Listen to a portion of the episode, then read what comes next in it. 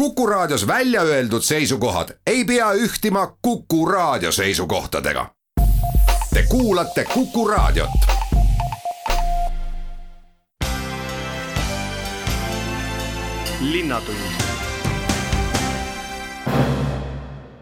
tere päevast, Linnatund alustab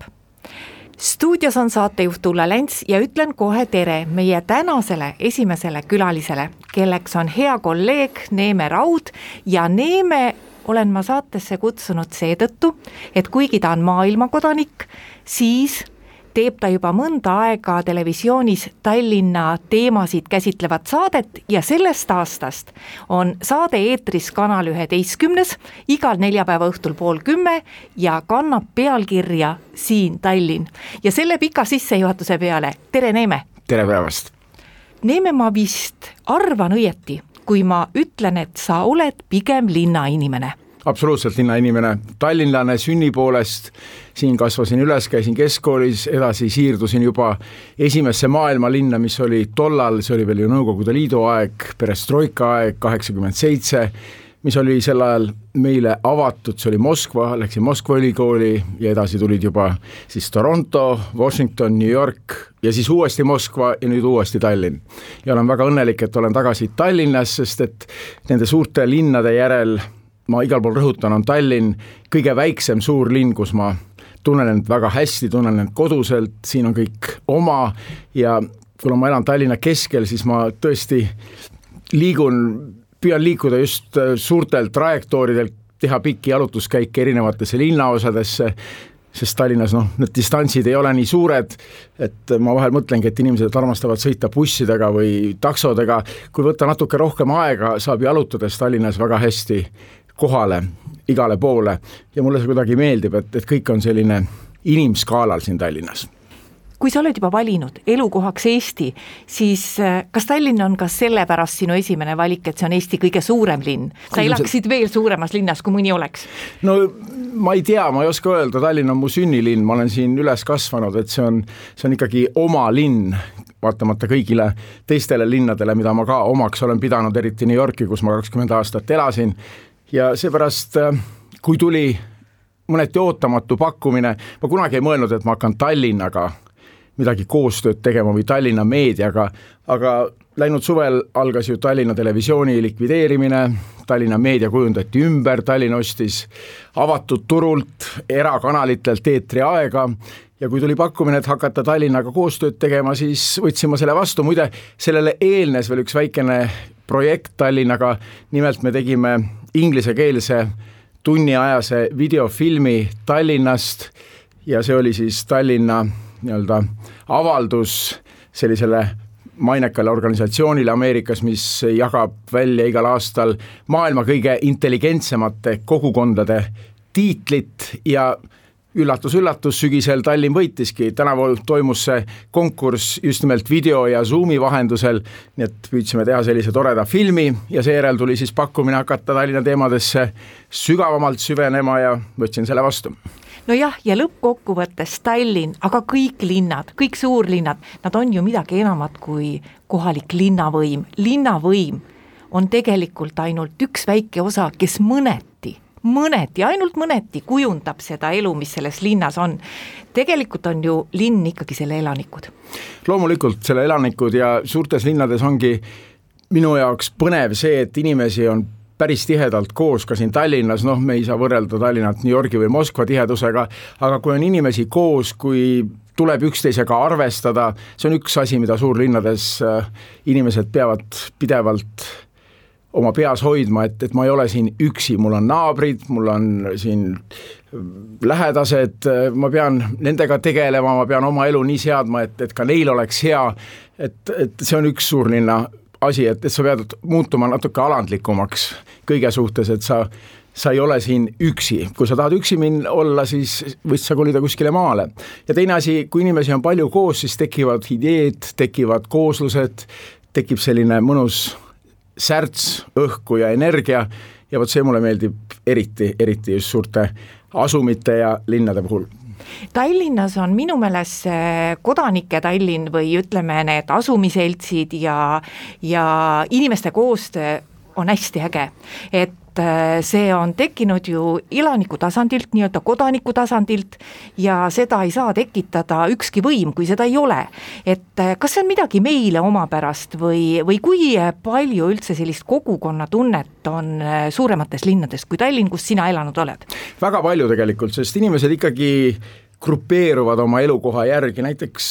Manhattani saar, kus ma elasin New Yorgis, New Yorgi kesklinn, tegelikult võib seda vaadata kui väikeste asumite kogumit, sest äh, mina elasin Midtown East linnajaos, edasi oli Upper East Side, siis on Upper West Side, siis on Greenwich Village, Chelsea ja nii edasi ja nii edasi ja kõik need kogumid on omamoodi ka nagu, nagu külad, kus inimesed siis elavad, kus on neil kõik esmatarbija vajalik olemas ja siis, kui nad liiguvad linnas kuskile teise rajooni, lähevad nad külla juba kuskile teisele poole, mida nad nii hästi ei tunne. ja tegelikult äh, sama pilt valitses ka Moskvas, kui ma elasin seal Svetnoi bulvaari ääres, siis seal oli väga aktiivne kohalik, äh, kohalik kogukond, ma mäletan teadete tahvlit meie maja ees, pidevalt toimusid mingid üritused, lastele korraldati palju asju, huvitav oli see just, et sellises suurlinnas ja kõledas linnas, mõneti nagu Moskva, pöörati lastele väga palju tähelepanu, venelased pööravad, vene perekonnad pööravad lastele tähelepanu, ka isad pöörasid lastele väga palju tähelepanu, nädalavahetusel oli seda näha ja seda oli tore, tore vaadata. Ja samamoodi ka Tallinnas on ju tekkinud tõesti, mõtleme uue maailma liikumine, Kalamaja muidugi, nüüd veel Põhja-Tallinn, edasi seal Kopli kandis ja ka teised linnaosad ja selles saates, mida me nüüd teeme, siis nüüd võib öelda siis teist poolt hooaega, ütleme esimene pool hooaega oli siis sügisest ähm, septembrikuust kuni detsembrini ja teine hooaeg nüüd jaanuarist kuni maikuuni ja siis veel septembrist kuni detsembrini, et me tahame keskenduda ka just nimelt nendele rohujuure tasandil tekkinud linlaste ühendustele ja vaadata, vaadata neid äh, kogukonnaorganisatsioone, aga vaadata ka linnaosade sisse, sest Tallinnas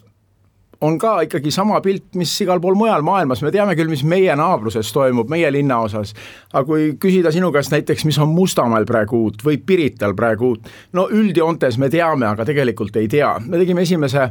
linnaosa saate Lasnamäest, see tuli väga hästi välja, sel ajal tuli välja just dokumentaalfilm Lasnamäe noortest, kes kunagi lõpetasid keskkooli Lasnamäel, et kuhu nad maailmas on jõudnud ja elus on jõudnud. Ja, ja see oli niivõrd huvitav vaadata linnaosa, mille suhtes meil kõigil on mingisugune, ütleksin, eelarvamus, aga et inimesed ju elavad seal ja seal toimub palju huvitavat ja see ei ole sugugi enam ainult venekeelne linnaosa, pigem vene-eestikeelne linnaosa Nad ise nimetavad ennast ju Eesti venelasteks, nagu Viktoria Ladõnskaja, lasnamäelane meie saates ütles, et äh, Tallinnat ongi väga huvitav hakata peegeldama mitte ainult Vabaduse väljakul linnavalitsuse hoones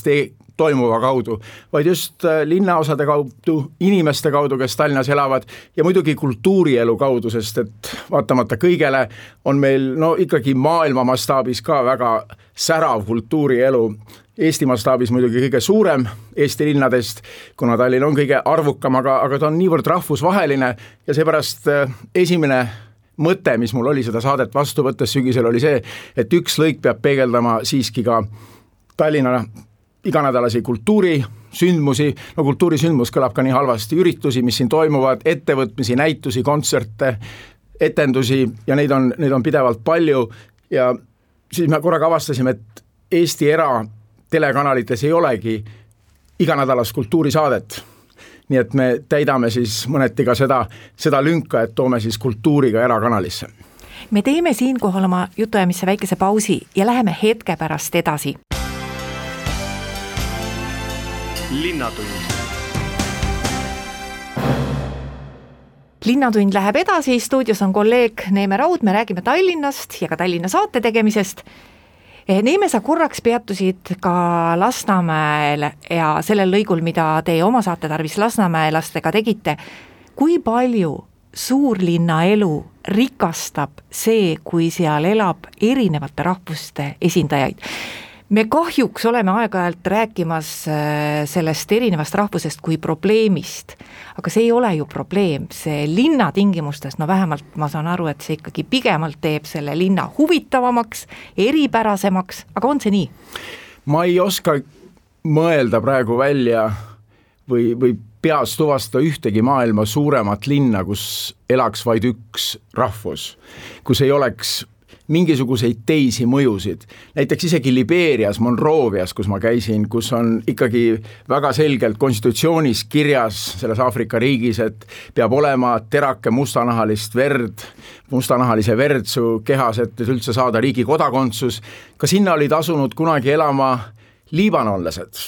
kuna Liibanonis ei olnud tööd ja nad olid seal rajanud, nad ei saa kodakondsust küll, aga nad olid rajanud seal Monrovias väga-väga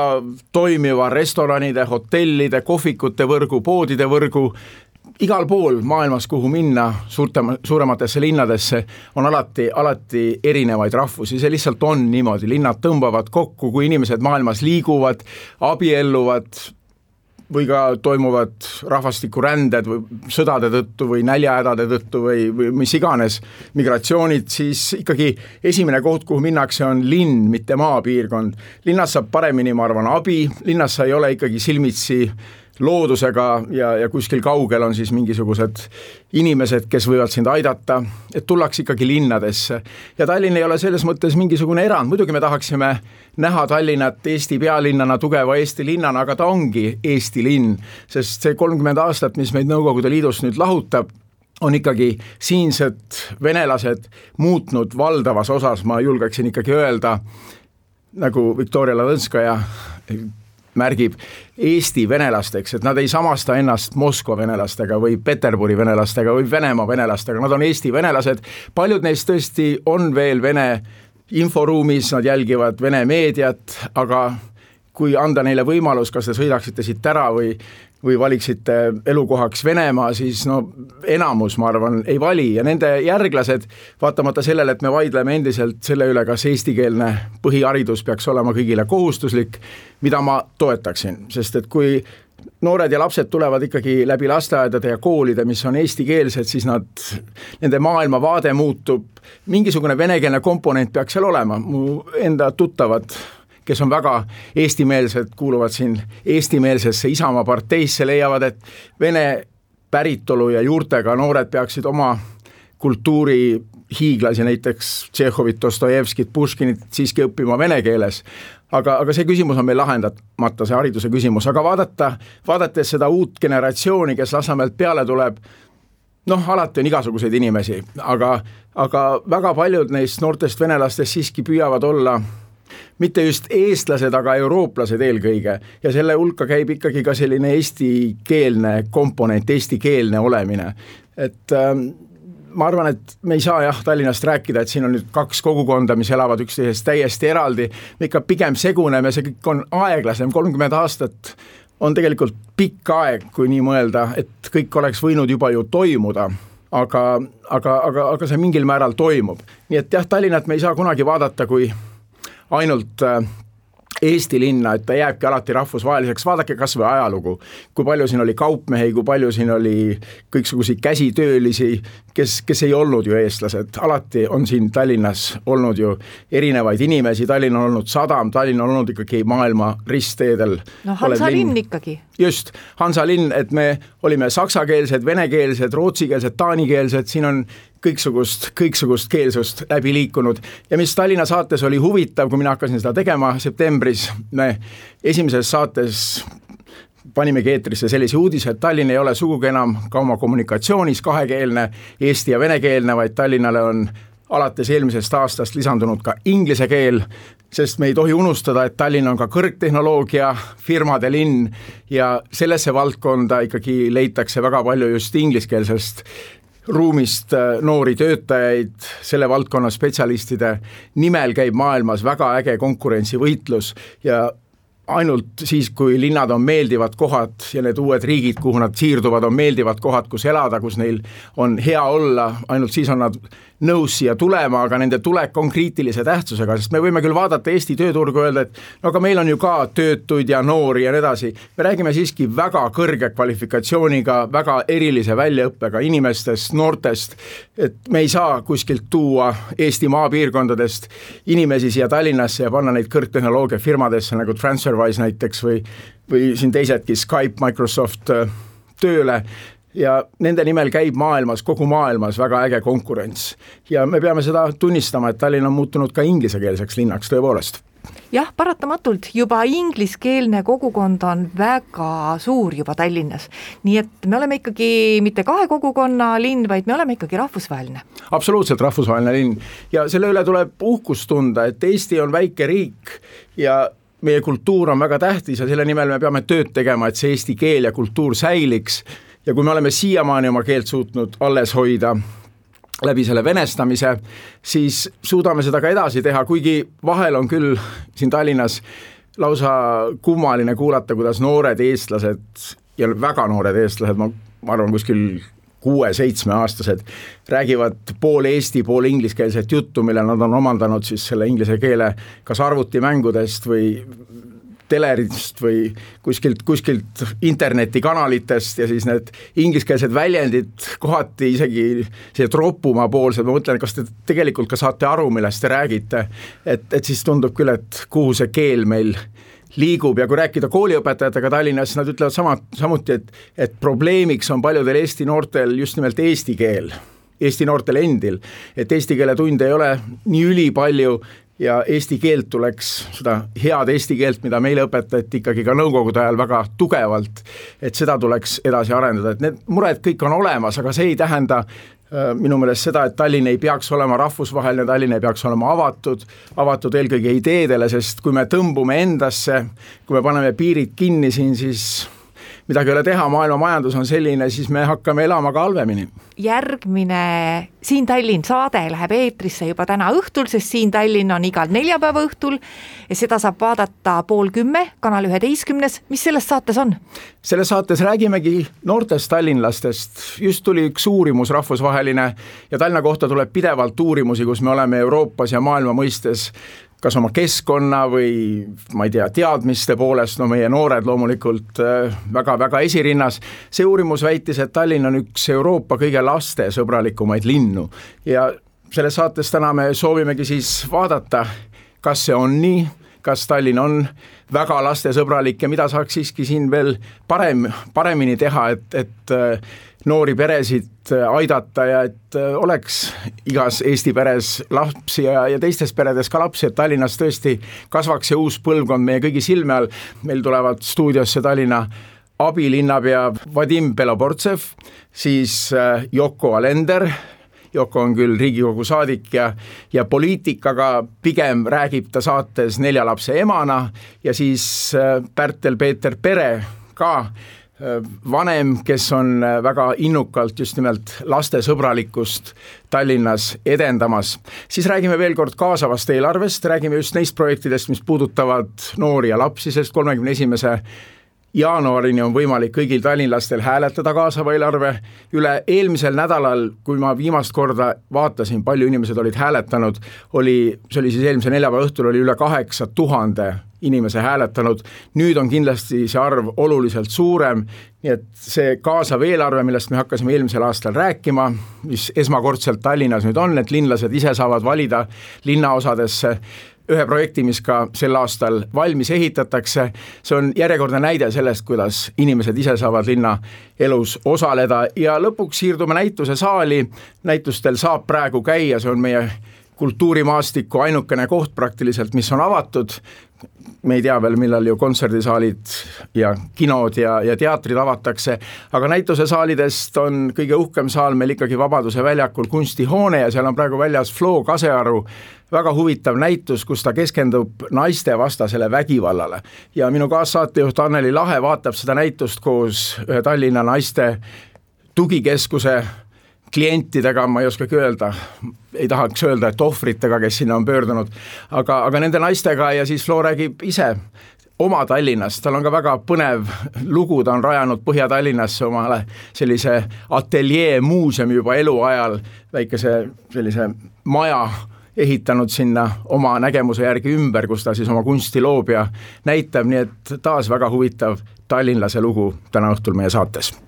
aitäh, Neeme ja meie teeme siinkohal oma jutuajamistesse väikese pausi ja pärast seda, kui Kuku raadio lühiuudised ära on kuulatud, siis räägime edasi juba teistel teemadel ja teiste inimestega. linnatund ja nüüd ütlen ma tere päevast Hopneri maja juhataja Anne Velt, tere Anne! tere! No nii tore on kuulda, et mõeldakse juba vanalinnapäevadele, sest kahjuks ju eelmisel aastal vanalinnapäevi ei olnud ja et vanalinnapäevade korraldajad koguvad legende. olge hea, seletage palun lähemalt, et miks meil neid legende praegu tarvis on ja kuidas see kõik vanalinnapäevadega seotud on? Ja tegelikult me alustasime sellesama teemaga, meil on ju alati vanalinnapäevadel äh, selline läbiv teema, pealkiri, äh, millele me tahame vastaval aastal siis keskenduda ja juba eelmisel aastal kuulutasime välja, et lood ja legendid on siis kolmekümne üheksandate vanalinnapäevade peateema kuna meil jäi ära õnnetuseks nagu paljud toredad asjad on ju siin Eestimaal, siis äh, me lä-, otsustasime, et me läheme sellesama teemaga edasi, kuna lood ja legendid ei, ei väsi ja ei vanane ju läbi aegade ja ütleme nii, et ega see üleskutse ei ole täpselt niimoodi mõeldud, et meile legende saata, vaid neid legende ja lugusid leida, nende le legendide ja lugude kaudu leida nagu inspiratsiooni oma tegevustele, oma loomingulisele väljendusele, et tulla vanalinnapäevadel ise kaasa tegema ja osalema et see on nagu selline üleskutse ja ma arvan, kes natukene kaevub sellesse vanalinna lugude ja legendide maailma, siis siin on nagu tohutu varasalv ja varaid, kus äh, võtta on, kus inspiratsiooni saada on ja, ja millest lasta ennast nagu kaasa, kaasa vedada. no vot seda ma just mõtlesin, mida te siin viimati ütlesite, et äh, taevake, et neid Tallinna legende on ju ikkagi suurtes ja suurtes kogustes, et mõned on nagu tuntumad, aga noh, kindlasti kui otsida, siis leiab ka seda, mida enne üldse kuulnud ei ole. Ja kindlasti. Ja eriti on ju veel neid majade ja ütleme, maja ajalugudega löötud, seotud pisilugusid ja mitte ainult pisilugusid, aga ka suuri lugusid, mis ei ole võib-olla nii trükisõnas levinud ja nendest ei ole palju väljaandeid antud, aga aga kes otsib, see leiab. et ma kohe oskaks võib-olla nagu inspiratsiooniks pakkuda kõige mõnusam, selline ülevaatlikum on Jaak Juske poolt välja antud sada lugu Tallinnast ja seal on vanalinnast päris mitmed põnevad lood, mis võib-olla nii levinud ei ole, aga ka tuntud lugusid. ja kindlasti muidugi meie armastatud Jüri Kuuskemaa suulest välja antud vanalinna raamatud, nii et tasub uurida, aga tasub ka kas või minna Tallinna Linnaarhiivi ja sealt äh, nagu abi ja õpetust ehk saada või sealt nende kodulehtede pealt nagu surfata ringi ja ma arvan, et kes otsib, see tõesti leiab. ma tahtsin veel nii palju lisada, et me ei ole kinni ka ainult äh, legend legendides sellises ajaloolises mõttes, vaid äh, legendi mõõdu omab ju ajaga ka inimesed, omavad inimesed, kuna on ju meil Jaan Kross, keda ma võin küll nimetada, kätt südamele panna, sest ta on legendi mõõtu inimene. Ja, ja kes siin vanalinnas veel, Valgre on olnud oma tegevusega erinevates kohtades ja seotud nii mõnigi paik temaga, et ka need on väga teretulnud, nende te teemakäsitlused meie vanalinnapäevade programmi ja tallinlased ju armastavad neid legende, et kui meie tuntud ajaloolased teevad siin nende legendide järgi linnaekskursioone, siis on ju teada, et need on alati hästi kiiresti need grupid täis saanud. Ja muidugi, seda näitas ka meie selleaastane, selle talvine vanalinna selline ettevõtmine, muinasjutulised jõulud vanalinnas, kus tegelikult nii palju eestikeelseid ekskursioone, mina oma aja jooksul, mis ma siin vanalinnas tegutsenud olen ja seda on päris palju, kohanud ei ole, et ja ka tuttavad giidid, kes muidu käisid ju kogu aeg Riias ja Pariisis ja Brüsselis võib-olla, siis nad ütlesid, et nad on ümber õppinud Tallinna vanalinna peale ja huvi on jätkuv ja tahetakse kuulda. Ja eriti neid toredaid lugusid, mida võib-olla, mis ei keskendu nii palju arhitektuurile ja aastaarvudele, aga just sellised toredad lood, mis aitavad seda vanalinna omasemaks saada no vot, et tuua üks konkreetne näide, siis äh, Hopneri maja, kui palju Hopneri majaga on legende seotud? Hopneri majaga kahjuks väga ei ole, on paar, äh, paar sellist kummituslugu meil siin, mis liigub liigub ringi ja meil siin töötajad ikka aeg-ajalt kuulavad krõbinaid ja, ja mingeid samme ja et uksed käivad, kui kedagi majas ei ole, aga see on selliste vanalinna majade puhul päris, päris levinud, äh, levinud, levinud komme on ju, need kummitused siin liiguvad ja, ja toimetavad ja siis on veel teada üks väike selline seik, et Hopneri maja perenaine, kunagine Anneke oli tema nimi, pärandas oma punase seeliku kellelegi teenijannale ja see punane seelik on meil ka kuidagi siin hakanud läbi tegevuste lehvima. Et, et temaga jah, palju ei ole, aga siin kõrvalmajades on juba rohkem, kui vaadata siin kas või ka endisesse Peppersakti majja ja neid, neid lugusid leiab kui eelmisel aastal me ikka ju veel lootsime, et vanalinnapäevad tulevad ja teatavasti vanalinnapäevade ettevalmistused hakkavad ju varakult, hakkasid ka eelmisel aastal siis juba, kui meil ei olnud aimugi, et meid ootab ees selline koroonaperiood ja selline täiesti teistsugune aasta ja vanalinnapäevad võivad ära jääda, et siis ettevalmistuste ajal teile ilmselt juba neid legende tuli või neid mõtteid, et, et kuidas üles ehitada oma te ühed või teised tegevused, et kui palju huvi juba näidati üles siis, kui tegelikult veel ei teatud, et eelmisel aastal vanalinnapäevad ära jäävad? Ikka näidati ja on äh, see, ütleme, see panus juba välja mõeldud, äh, siin oli etendusi, tantsuetendusi, näituseid seoses äh, selle legendide teemaga ja meil oli tegelikult programm täiesti koos. meil oli niimoodi, et me hakkame kohe, keeletoimetus ja trüki, trükk ja kujundus läheb peale, et programm oli täiesti koos, no võib-olla seal niimoodi viis protsenti tahtis veel kohendamist, kui meil see koroona peale lendas. aga me siiski otsustasime meeskonnaga, et me ei võta üks üks-üheselt üle, et tõstame eelmise aasta programmi tänasesse päeva, vaid nüüd, sellel aastal kaks tuhat kakskümmend üks, kes tahavad veel äh, ühineda, võib-olla on sellist loominguliselist potentsiaali kogunenud ja üle, et nende valmisolek on palju suurem sel aastal kaasa lüüa, et me avame uuesti selle taotlusvooru, kuhu siis võib oma mõtteid äh, esitada ja kaasa tulla tegema. Nojah, ja võib-olla tõesti see mööduv aasta või möödunud aasta andis ka nagu uut ainest, sest et ma usun, et Tallinna legende on ju ka selliseid, mis on seotud haiguste ja, ja epideemiate ja kõige sellisega jaa, kindlasti, kindlasti ja no mine tea, võib-olla sellest koroonast saab ka omaette sellised legendide lood ritta panna, et väike mõte meil sinna, sinnakanti liigub, aga eks näis, eks näis, kui aeg edasi läheb. Anne, eh, veel lõpetuseks, et me kõik oleme elanud hästi teistmoodi, et kuidas eh, teie majas, Opneri majas see viimane aasta elu on käinud, kui palju teistmoodi? Ega ta ei ole erinev teistest kultuuriga tegelevatest asutustest või ettevõtetest, et meil on samamoodi suhteliselt vaikselt elame, suvi oli meil tore muidugi suvel, kui saime rohkem tegutseda, siis tegime vanalinnas suvekontserte, et natukenegi siin liikumist ja inimestele kõrva midagi paitaks, et oleks seda.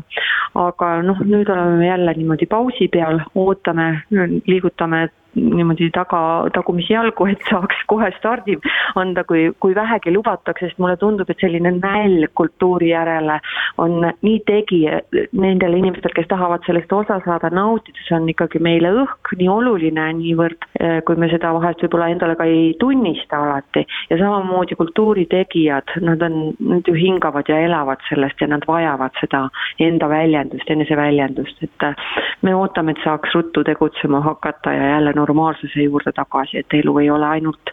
söök ja, ja televiisor või, või siis äh, internet, et me tahame päris suhtlust saada. linnatund linnatund läheb edasi ja nüüd on stuudios Tallinna linnavolikogu revisjonikomisjoni esimees Anto Liivat, tere Anto! tervist! Porto Franco loo valguses, mille tagajärjed on ju sellised, et Eesti on saanud uue valitsuse, aga mille juured ja viited lähevad kahjuks jälle välja Tallinna territooriumile, siis äh, küsin sinult, et äh, mis mõtteid tekitab see revisjonikomisjonis ja kui läbipaistvad täna Tallinnas ikkagi on kõik need asjad,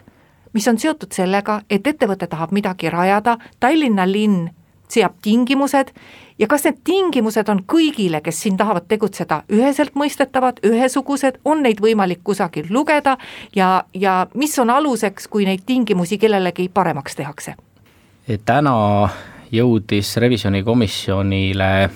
pöördumine kolme linnavolikogus esindatud äh, poliitilise fraktsiooni poolt, Sotsiaaldemokraatide, Reformierakonna ja äh, Isamaa edastatuna kus siis äh, palutakse revisjonikomisjonil algatada kontroll Porto Franco arendusele antud servituudi otsuse protsessi äh, suhtes, ning tõsi, ka hinnata seda, kuivõrd siis advokaadibüroo Sorainen poolt kahe tuhande üheksateistkümnendal aastal esitatud ettepanekud Tallinna korruptsioonivastaste meetmete täiendamiseks on piisavad ja asjakohased Äh, tagamaks siis äh, kõikvõimalike kinnisvaraarendustega seotud otsuste läbipaistvust ja äh, seaduslikkust. see tähendab tegelikult seda, et meil, kui revisjonikomisjon otsustab erirevisjoni väljapool tööplaani Porto Franco asjus algatada, tuleks vaadata, millised on need Ähm, kohalike omavalitsuste sisekontrollisüsteemi siis korraldamise juhendis välja toodud nii-öelda otsuste kujundamise kontrolllehe äh, kõige olulisemad äh, aspektid äh, tõsi, me peame siin arvestama, et ka revisjonikomisjonis Tallinna linnas on keskfraktsiooni saadikutel häälteenamus. tõsi, ma väga loodan, et nad selle erirevisjoni algatamist siis juba uue nädala alguses toimuval koosolekul äh, toetame. aga, aga mind ka tõepoolest huvitab, et vaatamata sisekontrolli äh, teenistuse võrdlemisi kiiresti antud hinnangule, et kõik on kõige paremas korras, kas ikkagi selle otsuse protsessi osas olid kõigi jaoks üheselt mõistetavad Ähm, nii need mängureeglid, kuidas otsuseid äh, tehakse ja missuguste kriteeriumide järgi tegelikult otsuseid äh, langetati. ma arvan, et üks olulisemaid võtmeküsimusi Porto Franco asjus on äh, küsimus sellest, kus ning kuidas ikkagi formuleerus selles asjas servituudi andmiseks just nimelt sellistel tingimustel linna huvi. ja miks Eh, linn nii selgelt ütles, et huvi on igal juhul arendustegevusega võimalikult kiiresti jätkata, selmet siis ähm, teenida äh, lühiajalist äh, või, või, või ka kiiret tulu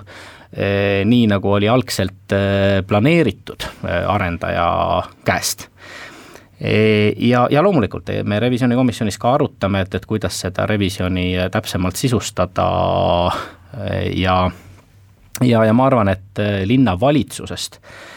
sõltumatu järelevalveorgani hinnang võiks olla selles asjas asjakohane. no ma saan aru, et seekord, seekord, kui riigi tasemel on Keskerakond ise öelnud, et nad on väga huvitatud,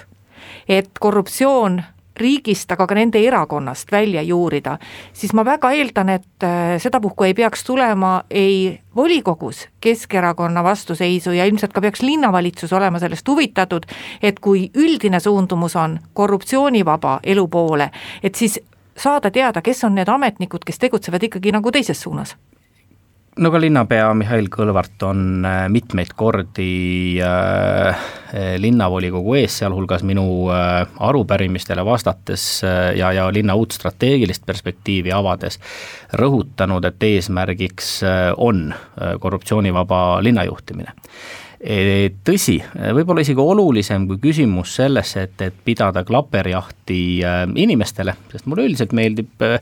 uskuda ja, ja, ja elada mõttega, et kõik inimesed on ilusad ja head, on äh, analüüsida ja, ja teadlikult kujundada seda keskkonda, milles korruptiivne käitumine siis kas saab võimalikuks või seda lausa soositakse või, või, või, või nähakse seda siis teinekord isegi ainuvõimaliku käitumisviisina. ja ma arvan, et siin on Tallinna nelja, linna puhul neli äh, väga olulist aspekti, mida tasub meeles pidada. Nendest kõige olulisem on muidugi väga kaua aega püsinud ühe erakonna ainuvõim ja eh, poliitilistest eelistustest, noh et mitte öelda poliitilisest suvast lähtuv juhtimine on olnud Tallinna kaubamärk juba suurusjärgus viimased paarkümmend eh, aastat ja see tegelikult on tekitanud olukorra, kus eh, eriti just staažikamate linnaametnike hulgas on arenenud vilumus lugeda linna poliitiliste juhtide soove nende silmist, ilma et peaks isegi midagi ütlema, või noh, kui on väga vaja midagi öelda, küll see sõnum siis kohale toimetatakse. teine korruptsioonirisk on juhtimiskvaliteet muuhulgas näiteks see, et linn ei taha kuidagi asuda rakendama ühingu juhtimise head tava linna suuremate äriühingute juhtimise juures, mis siis tegelikult peaks kindlustama selle, et juhatuse ja nõukogu rollid on paigas, koostöö toimib, inimesed on pädevuse järgi ametisse nimetatud, et, et kõigis asutustes on äh, ühetaoline, vajadustele vastav, sõltumatu sisekontrollisüsteem ja nii edasi. kolmas korruptsioonirisk on, äh, on, on see, et äh, tihtipeale teavad linnaametnikud väga vähe sellest, millised on eesmärgid ja, ja millised võiksid olla need nii-öelda kokkulepitud prioriteedid, mille valguses otsuseid äh, langetatakse e,. linna uus strateegia aastani kaks tuhat kolmkümmend viis sai valmis, aga ega valdkondlikke rakendusplaane endiselt ei ole. juhtide tulemushindamise süsteemi endiselt ei ole ja selle võrra on ka raske otsustada, millest lähtuvalt, kas näiteks selle Porto Franco kaasuse põhjal e, linna e, sissetulekute suurendamisest või arendustegevuse võimalik võimalikult kiiresti jätkamisest või millestki äh, kolmandast. noh ja neljas suur korruptsioonirisk on ikkagi äh, pealinna sisekontrolli äh, süsteemi ebapiisavad ressursid. ja, ja, ja kuigi sellise ettepaneku olen ka mina teinud möödunud aastal äh, linnavalitsusele volikogu saalis ei ole endiselt meil äh, kehtestatud korda, kus teatud asutuse suurusest lähtuvalt äh, oleks seal olemas äh, siseaudiitor. ma ei tea, kui palju teie komisjoni käed jõuavad äh, ka personalivalikuni, sest et äh, või selle noh, ega siis teie ei saa sinna sekkuda, aga selle läbipaistvuseni, sest et praegu ju uue struktuuri loomisega on ju öeldud, et noh, et vajalik on ka uusi juhte,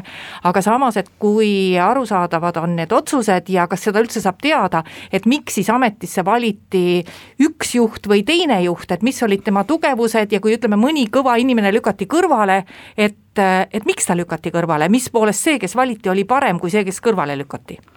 jah, see on üks väga oluline